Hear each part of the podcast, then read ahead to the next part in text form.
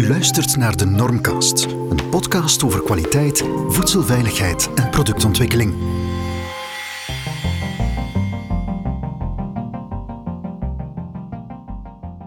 Hallo en welkom bij een nieuwe Normcast. Mijn naam is Jens Bouters en samen met mijn collega Sigrid Severijns serveren we jullie vandaag een nieuwe podcast. We duiken de wonderenwereld in van de productontwikkeling en hiervoor hebben we een creatieve duizendpoot uitgenodigd. Goedemiddag en welkom, Maxime Willems van Proef. Goedemiddag. Hallo, dag Sigrid. Dag Jens. Maxime, we willen eerst toch even inzoomen op u, hè, want jij bent onze, onze grote gast hier. Kun jij eens toelichten hoe je na een opleiding en een PhD in biologie, biologie filosofie, embryologie en misschien wel nog een paar, uh, plots terechtkomt in de voedingsindustrie? Vraag het mij nou ook af. Maar um, ja, filosofie zat er niet tussen, maar inderdaad ontwikkelingsbiologie en biologie, voornamelijk uh, dierkunde. Uh, dat was mijn dieren en uh, planten uh, waren mijn grootste passie. Nog altijd, nog altijd denk ik dat voeding altijd begint met planten en dieren ook. Mm -hmm. ergens. En um, dus ja, daar een heel, heel leuke, fantastische carrière gehad in puur onderzoek. En dat boeide mij het meest, in feite het onderzoek achter planten en dieren.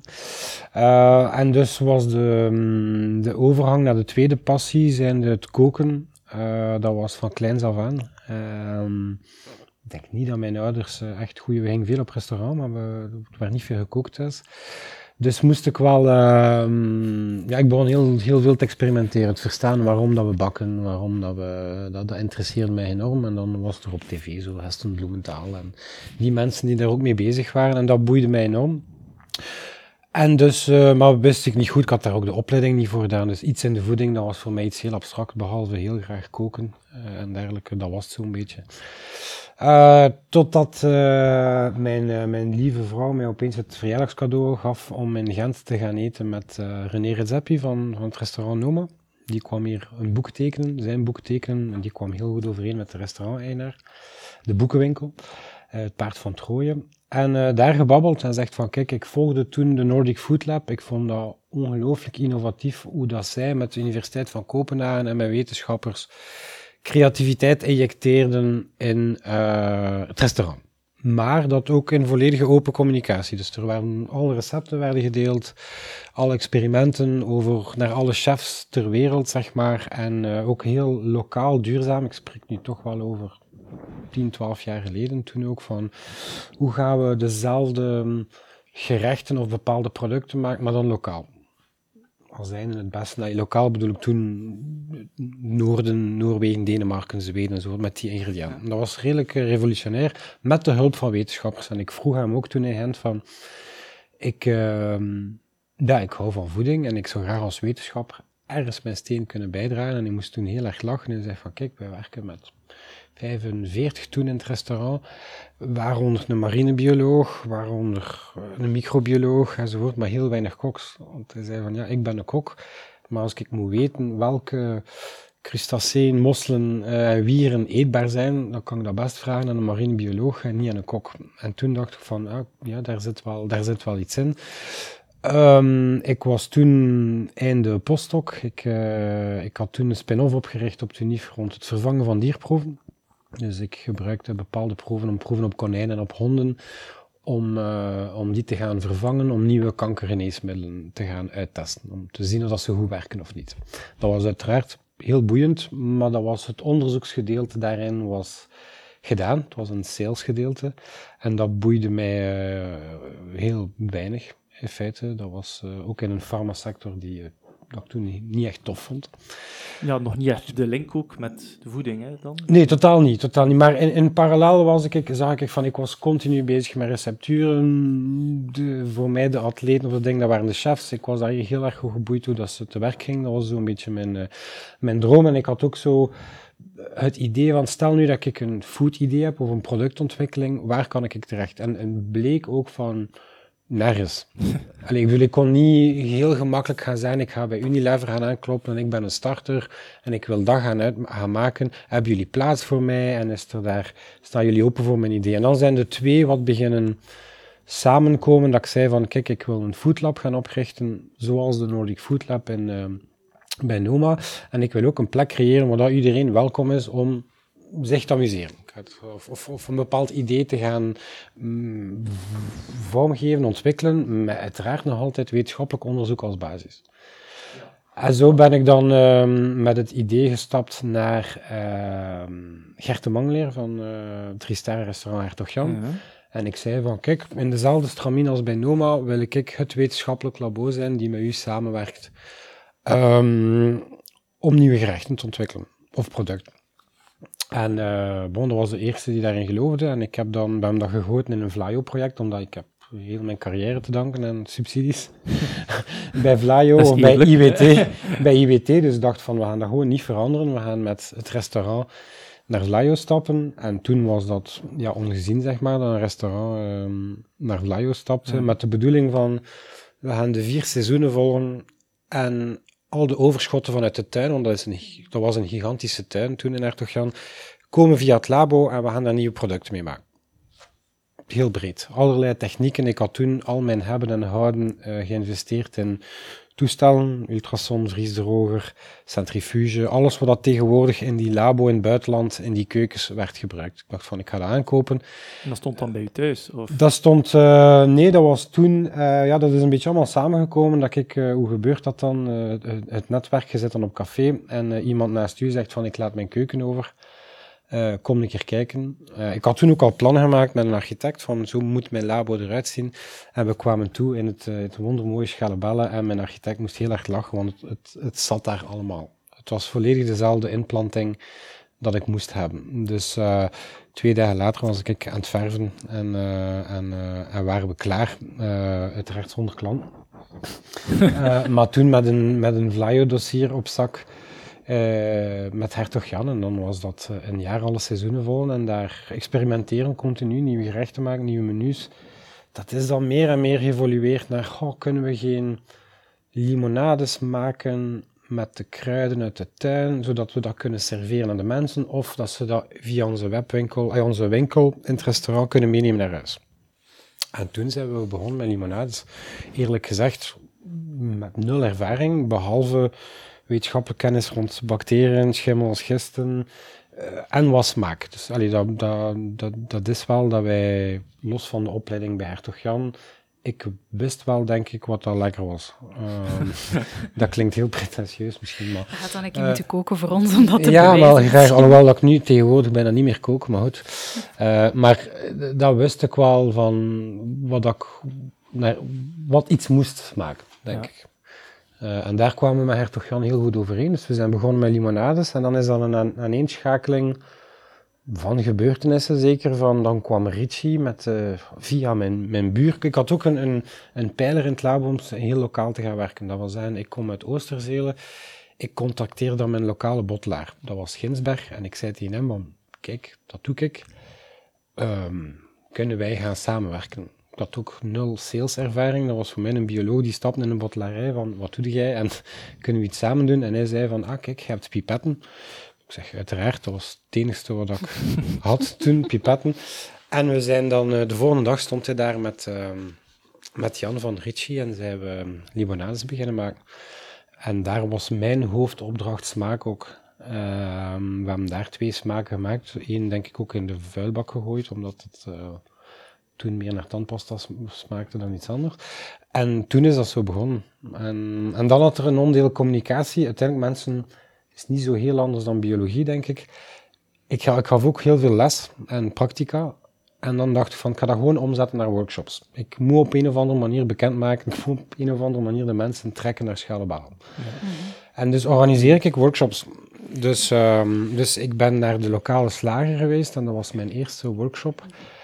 Uh, ik zei aan mijn slager van, zie jij dat zitten om voor een publiek te gaan uitleggen wat dat je ambacht is? Hoe, hoe is dat worsten draaien? Simpel. Niet te wetenschappelijk hoogstaand, maar toch dat proberen doen.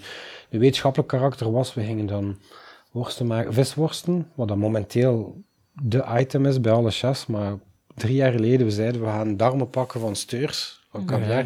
En we gaan daar visworsten van maken.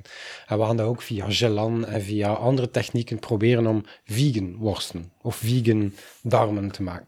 Maar hoofdzakelijk gaat het erover om die slager die daar worsten komt draaien.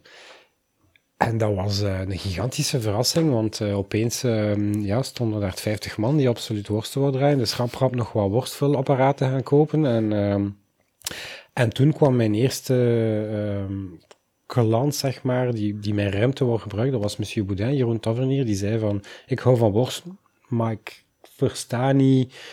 Ik zit alleen, hè, we spraken daarnet over sparring. Ik, ik maak alleen mijn worsten, ik wil daar iets mee doen ik ben marketingdirecteur of, of van de vooruit, of ik had een hoge positie in vooruit. Ik wil dat niet opgeven, maar ik wil toch wel mijn worsten uitbrengen. Omdat mensen vinden wel dat ik toffe worsten maak. Dus zijn we daar een range van maken. Elke vrijdag kwam monsieur Boudin na die workshop, worstshop, uh, kwam, hij, kwam hij elke vrijdag met mij uh, pensen maken. En de meest uh, geslaagde, maar ook wansmakelijke dingen hebben we toen gecombineerd. En zo zijn we gegroeid van aan de ene kant limonades en aan de andere kant witte pensen. En mm, ja, die diversiteit had ik ook in mijn doctoraat. Embryo's, kanker, verschillende dingen. En dat doen we ook nog altijd. Dus we gaan ons niet specialiseren in iets specifiek. Zijn de dranken, pensen, of dat gaan we niet doen. Dat, um, we gaan proberen nog altijd zo heel veel uh, breed te gaan kijken. Je hebt al heel veel verteld. Je hebt al, uh, hebt al uh, een paar vragen uh, ingehaald op ah, mij, maar geen probleem. Super, hè, dan moet ik ze niet, dan moet ik ze niet stellen. um, ja, sowieso bij die, bij die limonadedranken dacht ik, allez, met kruiden dacht ik direct aan Ricci, dus dat is al bekend in het hoofd, allez, of uit het hoofd. Um, bij Boudin denk ik aan de slager, die daar toch ergens ook in Oosterzelen zit. Is daar geen slagertraiteur die Boudin noemt? Of... Ah, oei, nee, dat zegt mij niks. Ah, Oké, ik dacht... Oké. Nee. Nee, niet dat ik weet. Nee. Maar hij heeft, uh, we hebben voor hem ook een producent moeten vinden, hè, want uh, op een bepaald moment werd dat te veel. Hè. Vroeger deden we alles, maakten we ook alles op het lab. Dus aan de ene kant hebben we het lab waar wij ons productontwikkeling doen.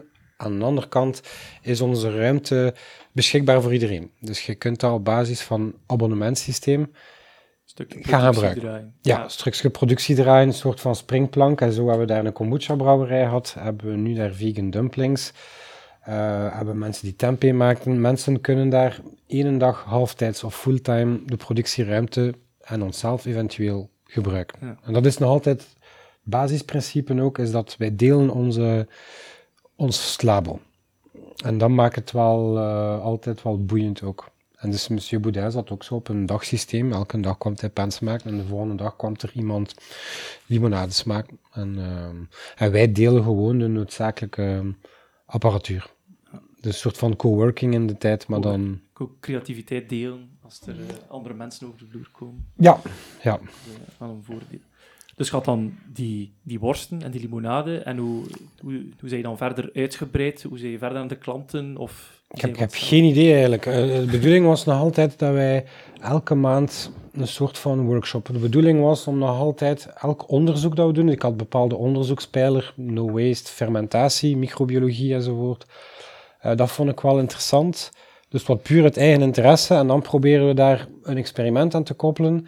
En met dat experiment proberen we een workshop aan te koppelen. Dus dat was de workshop. Dan uiteraard hebben we heel veel fermentatieworkshop gehad. En dan zaten we opeens in die trend van de gefermenteerde dranken, kombucha's enzovoort. Ja. Dus dat is meegevallen. Um, ja, we hebben zo denk ik over alles wat dat we toen mee bezig waren, on, puur onderzoek. Het is wat dat kon, is echt zo bepaalde thema's onderzoeken en daar iets mee doen dat we geprobeerd om aan een ambacht te koppelen of aan een workshop, iets interactief, omdat ik, ik wist niets van reclame of ding. Dat was voor mij, en dat was elke keer, denk ik, uh, mond aan mond, zeg maar, dat gaan uitleggen dan als de mensen dan binnen waren, van oké, dat doen we. En, uh, en ik denk dat bij elke workshop dat er wel altijd wel één klant uit voortgekomen is, of via via. Uh, in het begin was dat heel erg uh, chefs en bartenders gerelateerd. Vooral. En een van mijn goede vrienden, Ran van Ongevallen, is dan ook uh, ja, wereldkampioen geworden. Zaten we dan in de R&D-team.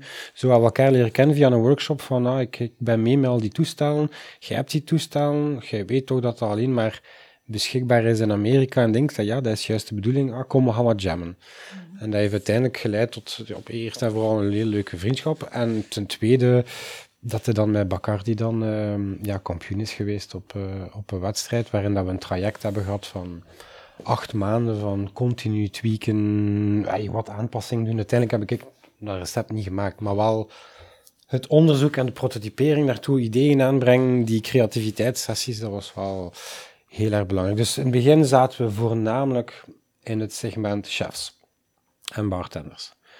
Dus cocktailman, en hoe evolueert dat dan? Zelf niet met COVID, dat er heel wat bartenders zijn van, oh, ik maak hier iets heel tof, waarom kan ik dat niet op fles steken? Mhm.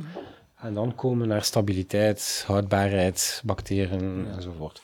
Dus in het begin waren dat uh, Bijou Belroy's cocktailbar, Ben Belmans, waar dat de godvader is uh, van de cocktail scene, zeg maar.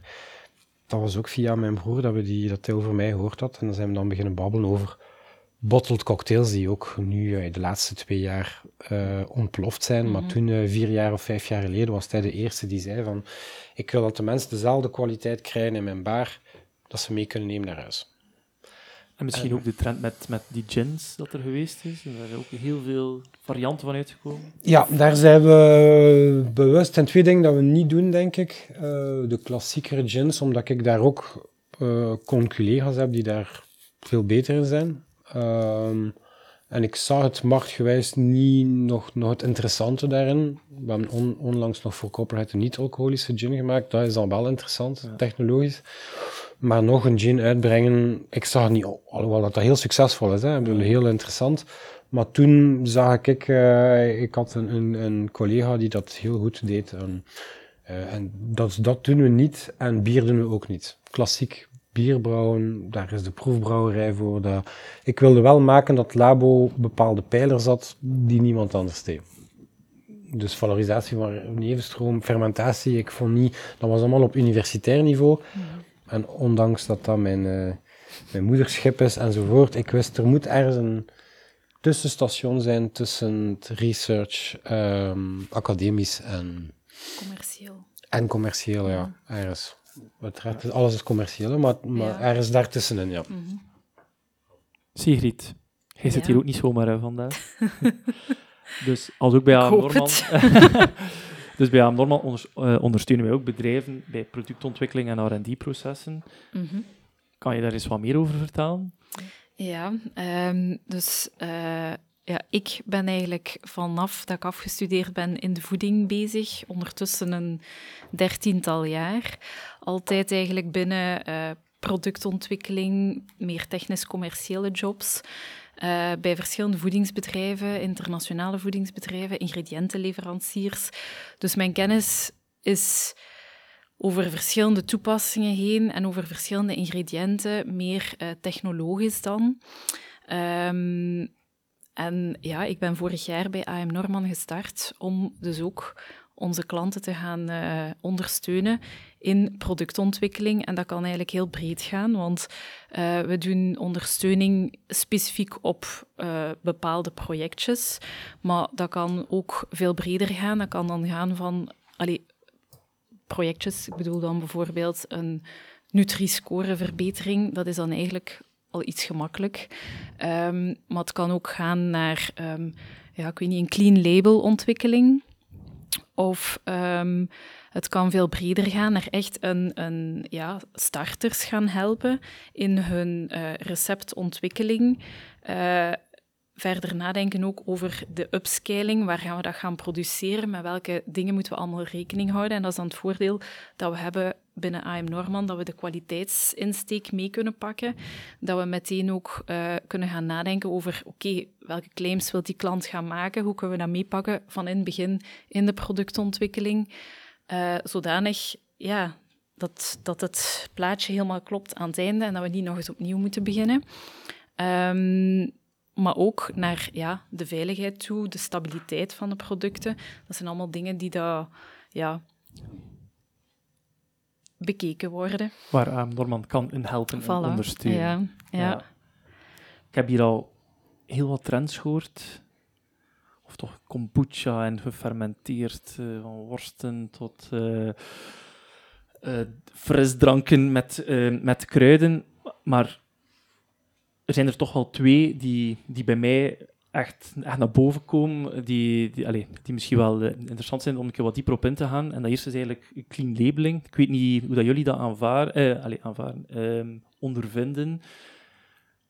Er wordt zoveel over gezegd. Dus. Clean label is eigenlijk ook iets. Ja, wat is clean label? Hè? Want er bestaat geen definitie van, wettelijk gezien. Uh, dus iedereen heeft ook een, een eigen interpretatie. Voor de ene is clean label een clear label, zijnde van alleen maar keukeningrediënten in het product, die dan de mensen echt kennen van bij hun thuis.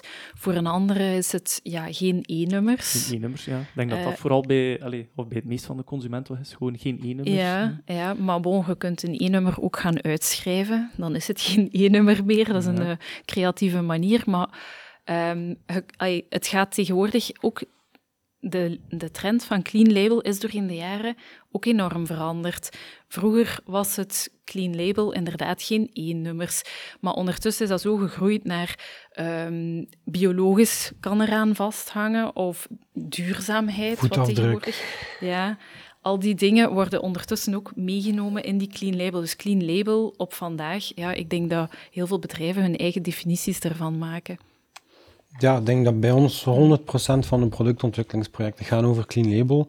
Wij hebben dan ook specifiek een soort van brainstorm in het begin van het project om, om ook die termen met elkaar, dat we dezelfde taal mhm. spreken van als je kiest voor oplossing A, cleaner label, weet dat het gevolg B gaat komen. Mhm. En kunnen dat wel verstaan, omdat wij toch ook voor heel veel starters werken. En dat is inderdaad een, een whole term, hè, clean mhm. label. Dat kan verschillende ladingen hebben. En dan moeten we eerst en vooral gedurende een, effectieve workshop of een brainstorm sessie met hen gaan overleggen van spreken we wel dezelfde taal, weet je daar wel de gevolgen van, wat gaan we daaraan doen? En uiteraard, wij doen, wij, wij kijken niet neer op niks, zeg maar. We proberen zo clean label mogelijk te, te werken, tenzij dat er daar geen vraag voor is, maar daar ligt de bal de innovatie of om daar oplossingen voor te zoeken. Um, en dat is soms uh, hard en moeilijk. Uh, we hebben nu uh, een, nieuw project, de Nutty Farmer, een, een boer uit, ehm, uit West-Vlaanderen die een, webshop heeft. En die wil voor het aperitief nootjes, nootjes die een bepaalde smaak hebben bijgekregen. Als aperitief, als topping voor granola, als topping voor ijsjes. Maar hij zei ook van, ja Maxime, die cashewnoot, heel lokaal is dat niet. Mm. Walnoten uit Vlaanderen, dat gaat niet, dat is wat bitter en dat was moeilijk te sourcen enzovoort. Dus ja, ik ga met cashew werken, maar die 6,50 euro de kilo dat jij mij aanbiedt uit Thailand, ik heb een fairtrade boer gevonden in Burkina Faso, maar dat gaat wel 10 euro en half zijn. Ik zeg, ik vind het heel belangrijk voor uw marketing en voor uw, de DNA van uw project, maar weet dat uw nootjes dan aan 5 euro het pakje gaan zetten, dat dat problemen gaan, gaan opleveren. Ja, zegt hij, maar ik kan niet anders. En je moet dat, zolang dat het uitlegt, moet je dat kunnen ervaren. Um, en, en, veel succes wensen. En uh, het moet kloppen. Ik, ik wil daarbij zeggen, 100% van de projecten zijn zo dat mensen daar heel erg bewust mee bezig zijn. Dat die transparantie, die, die, die, ja, de geheime ingrediënten, of ik denk dat de voedingsindustrie zo wel een beetje een donker kantje of een donker uh, ja, beeld heeft van het wordt allemaal zo wat van achter en het wordt allemaal wat mee gefoefeld. En dat is ook zo. Maar niet door eh, iedereen. Maar niet door, maar niet door iedereen, maar zo is het beeld dat ik ook had voor een stuk. En dat ook nog altijd, dat er wel wat, uh, met een bepaalde reden ook, kan het daar wel bij zijn. Het is niet kunst en plakwerk voor voor de lol, zeg maar, of enkel voor de centen, maar ook voor houdbaarheid. Voor, dus dat heb ik ook moeten leren van, mhm. die E-nummers zijn er ook met, een, heel goede reden, ja. Ja, ja dat heeft wel impact hè, op houdbaarheid, stabiliteit. Uh, En ja, de kostprijs ook waarschijnlijk. Ik Ja. denk niet dat clean labeling goedkoper zal zijn dan... eh, Eh, zeker Nee. niet, maar, maar als je kijkt naar duurzaamheid, als, je, als alle producten bij manier van spreken zes dagen houdbaar zouden zijn, eh, dan creëren we ook wel een heel groot afvalberg eh, gezien ons consumptiegedrag. Dus wij zijn dat niet gewoon. Ehm, Ik denk ook dat het heel belangrijk is. Een taak van de voedingsindustrie, van retailers in mijn ogen, is ook een verdere educatie van de consumenten. Daar wordt eigenlijk te weinig aan gedaan. Consumenten hebben inderdaad het idee dat de voedingsindustrie foefelt met van alles en nog wat.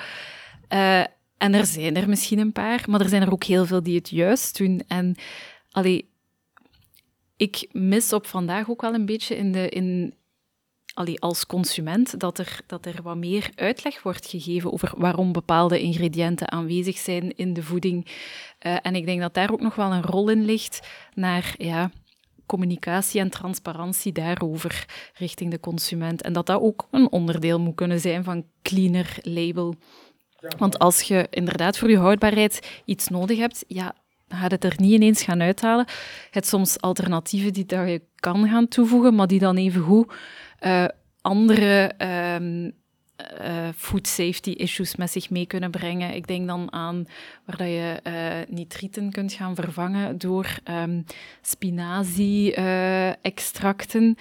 Maar spinazie-extract is dan weer niet door EFSA geëvalueerd. Dat is geen toegelaten additief. Nee, maar het wordt als een ingrediënt gezien. Allee, er hangen daar dan ook wel wat eh, gevaren aan. Dus allee, in mijn ogen is, is die, die communicatie van de voedingsindustrie en die opleiding van consumenten ook wel iets waar, dat, waar dat nog wat werk aan is. Ja, wat meer transparantie. En Ja. ik denk dat ook de klassiekere voedingsindustrie eh, is meer en meer bezig met marketing van hun Mhm. producten, maar ook van hun eigen. Ik heb heel veel mensen die bij mij komen van, ah, ik wil iets maken gelijk dit, maar dan beter omdat dat bucht is. Dan sta ik meestal op mijn achterpoot. Geen enkel voedingsbedrijf heeft stapt in een project met te zeggen van, we gaan iets slechts maken. Ja. Het is altijd, maar heel veel mensen snappen dat niet. Dat is er allemaal voor een reden. Ja. En, eh, en ik ben dan meestal met starters dan heel streng van, ja, maar ja, wacht maar totdat je daar bent. En, en, en als je er zelf staat. als je er zelf staat, de keuzes die gemaakt moeten worden, eh, die niet simpel zijn, omdat eerlijk gezegd alles, spreekt me soms van B2B of B2C, maar uiteindelijk is alles B2C, vind ik. Het is de consument die zegt van, ik wil dat mijn Amerikaan er, er knalrood uitziet. Ik wil dat mijn cornflakes twee jaar houdbaar is. Ze hebben dat niet.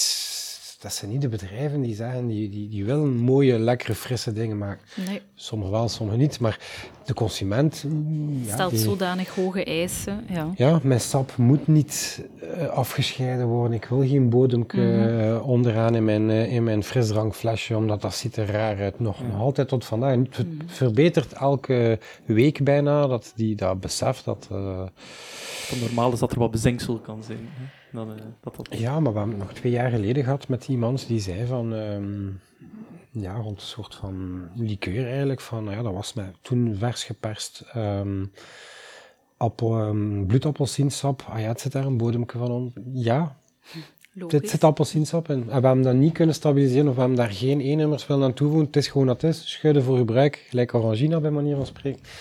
Mhm. En toch kwam er daar continu commentaar op, oh, dat is slecht, dat ziet er slecht uit. En dus hebben we dat moeten aanpassen. Ik zie soms de, de heuzes in eh reclame staan, allee, of in afprijzing, omdat ze bijna gaan vervallen. Dan denk ik, ja, maar ja, dat, dat vervalt niet. Allee, Dat wordt moet- alleen maar beter. Ja, dat wordt alleen maar beter. Dus ik koop ze dan wel op, natuurlijk. Maar, Ja. Ehm, nee, dat is waar. ja, Ja. dus allee, daar zit de bewustwording toch nog niet zo goed. Maar ik wil, ja, ik wil ook nog toevoegen. Ik vind wel, door de verandering van de consumenten en die hoge eisen die dat de consument stelt, wordt de voedingsindustrie ook wel telkens uitgedaagd om verder te gaan ontwikkelen en oplossingen te zoeken. Dus allee, ik vind dat wel heel boeiend om te zien hoe dat, dat zo doorheen de jaren ja, evolueert en hoe dat er toch blijft gezocht worden naar dan Voilà, alternatieven. dat is ook het mooie aan de consument. Ja. Als hij nog meer en meer vraagt, dan komen er spinazie-extracten, rozemarijnextracten. Ja, En elke week, denk ik, komt er een nieuwe clean label ingrediënt uit. En dat maakt het Mhm. soms tof. Dat creëert ook werk voor ons, omdat mensen die soms eh, in hun bedrijf al lang zitten en die niet noodzakelijk naar de nieuwste innovaties uh, uh, ervan afweten, dan komen die bij ons van, ja, maar mm heb je daar wel een oplossing voor? Gebufferd azijn, maakt niet uit. Mhm. en daar ligt dan het werk voor ons, hè, om daar toch een oplossing voor te vinden. Ja, het wordt wel complex, hè. Je moet wel out of the box denken, of, of je raakt er al bijna En je moet, je moet mee zijn met wat dat er inderdaad afspeelt. Eigenlijk dat Maxime zegt, elke dag komt er wel iets nieuws op de markt. Je moet dat blijven volgen. En dat is inderdaad waar dat we dan een meerwaarde kunnen bieden naar bedrijven toe die de tijd niet hebben om dat allemaal continu op te volgen. Wij volgen dat op. Wat, wat is er in de markt beschikbaar?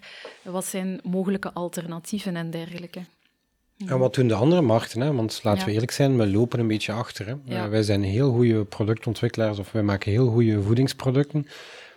Maar wij zijn geen trendsetters. Hè? Dus, dus meestal, eerlijk gezegd, bij ons ook, dat dan nu Instagram gewijs of, uh, of andere markten, wij moeten reizen, wij moeten zien van wie doet wat momenteel in het uh, smeerpasta-segment of in het kombucha-segment en hoe verandert dat. En mhm. Dat gaat op niveau van technische ingrediënten, maar ook op vlak van volledige concepten. Mm Zijn er landen die voorlopers zijn? Of is dat... Allemaal, denk ik. nee, maar bedoel ik, ik zeg altijd, wij lopen vijf jaar achter op New York, mhm. misschien drie jaar op Berlijn en twee jaar op Amsterdam of zo, zoiets. Ja. Dat lijkt mij, uh, Nederland is, dat is altijd ook gekoppeld aan een heel um, diversiteit aan maatschappij. Mm samenleving die samen verschillende culturen, concepten die samenvloeien van verschillende oorden, zeg maar. Ja, zo, zo gebeurt dat dan. Dat je bijvoorbeeld gepakt jaren terug de, wat was de, cro, um, de cronut of zoiets, hè? de, vermengeling van een croissant en een donut. Dat was zo'n item, maar dat is uiteindelijk ja, twee werelden die elkaar tegenkomen en dan een creatieveling die zegt van oké, ja, we gaan dat gewoon doen. En dat is uiteindelijk een multinational geworden. En, um, mm -hmm. Dus ja, we hebben daar nog wel wat werk aan de winkel. Maar we maken wel kwaliteit, dat wel. Hey. Mm -hmm. Lange, lange termijnsproducten, dat wel. Ja. ja. We hebben zo ja, nog een trend waar er heel veel over uh, geschreven en gesproken wordt, en dat is de, de plant-based uh, trend. Ja, waarom is die eigenlijk zo populair? Duurzaamheid.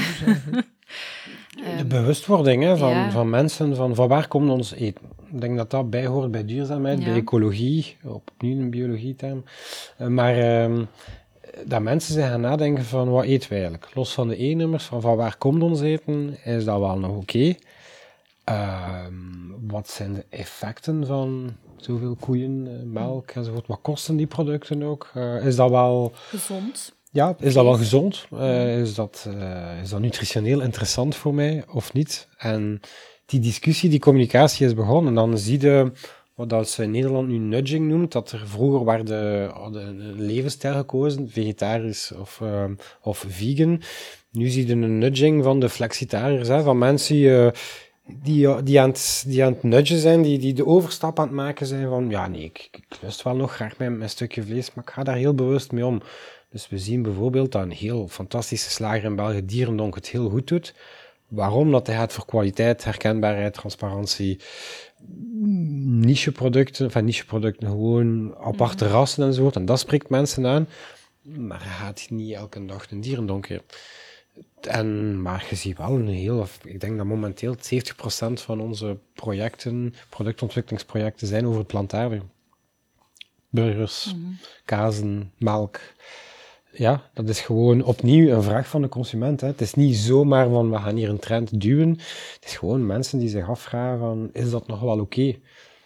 En zich ook afvragen van ik wil meer alternatieven, ik wil kunnen kiezen. Een mes die langs twee kanten snijden, dan creëer je nog meer producten enzovoort. Maar ja.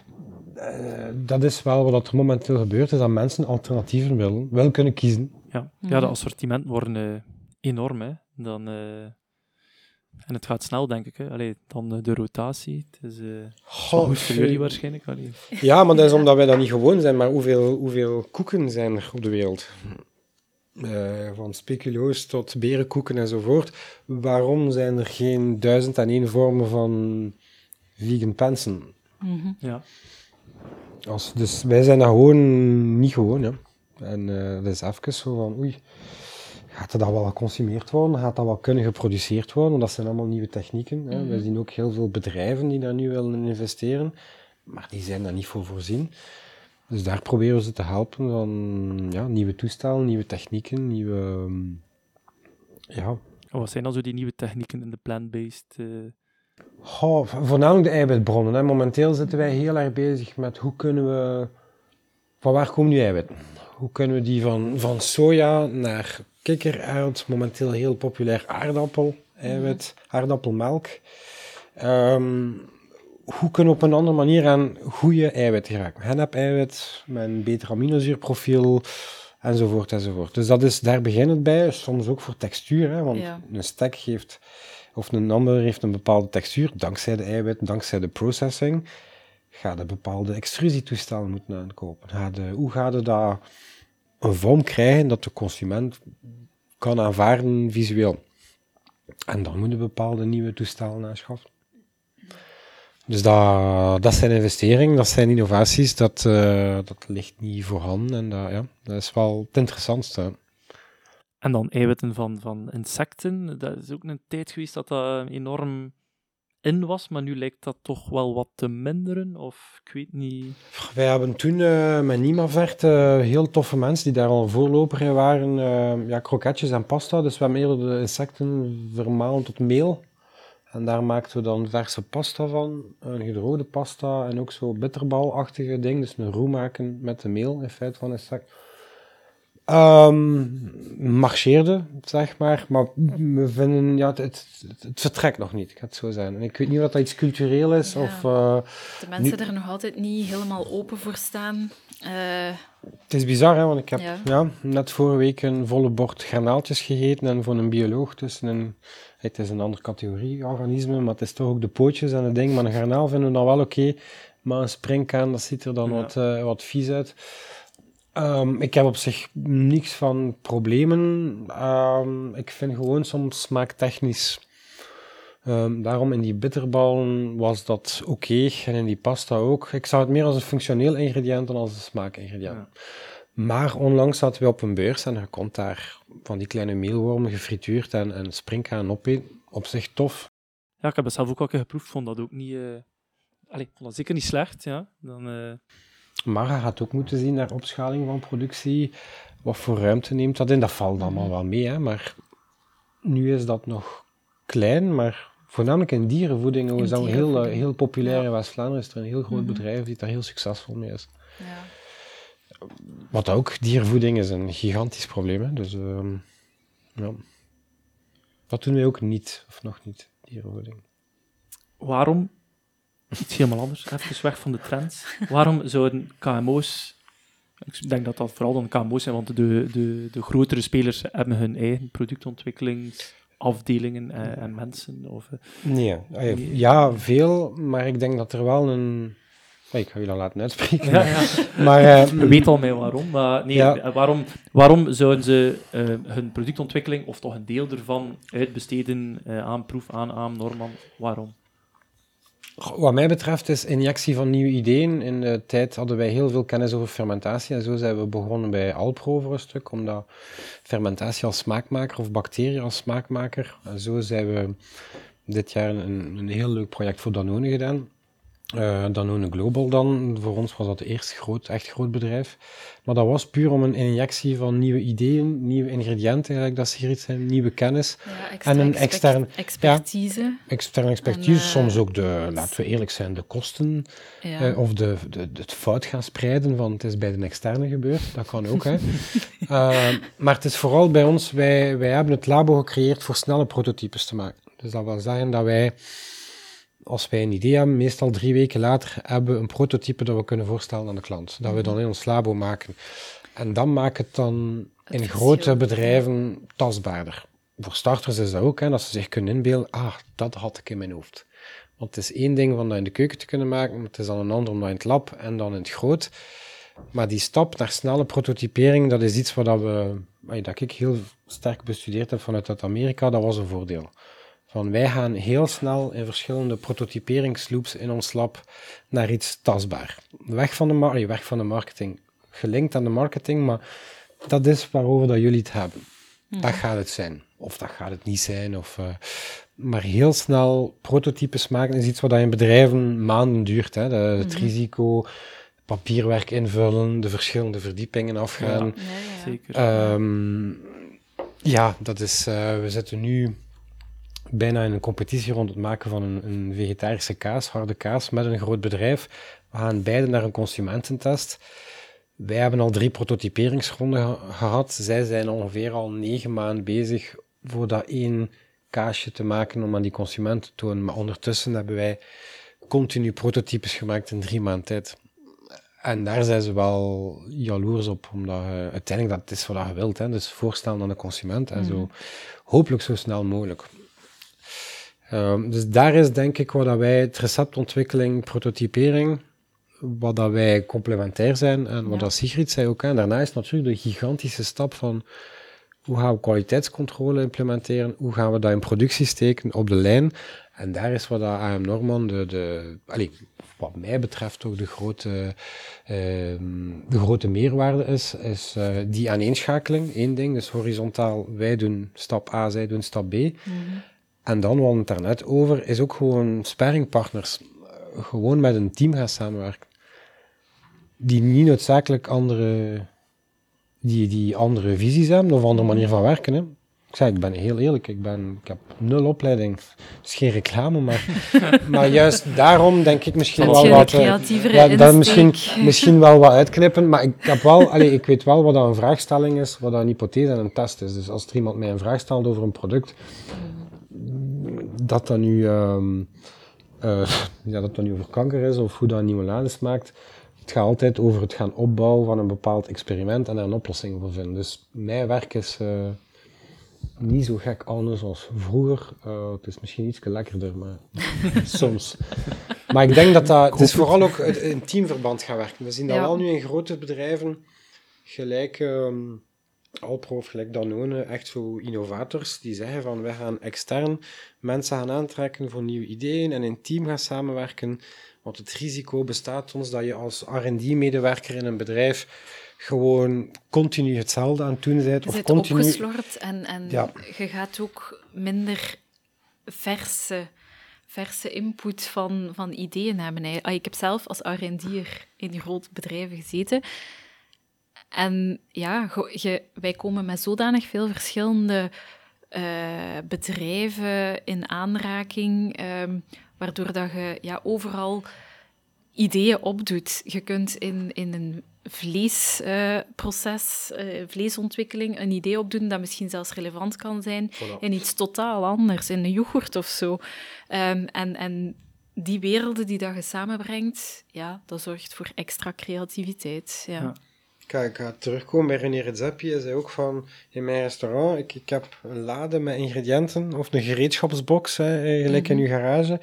En hoe meer dingen dat ik van andere eh, vakken of andere ambachten of nieuwe ingrediënten kan maken, hoe meer dat mijn toolbox groter is.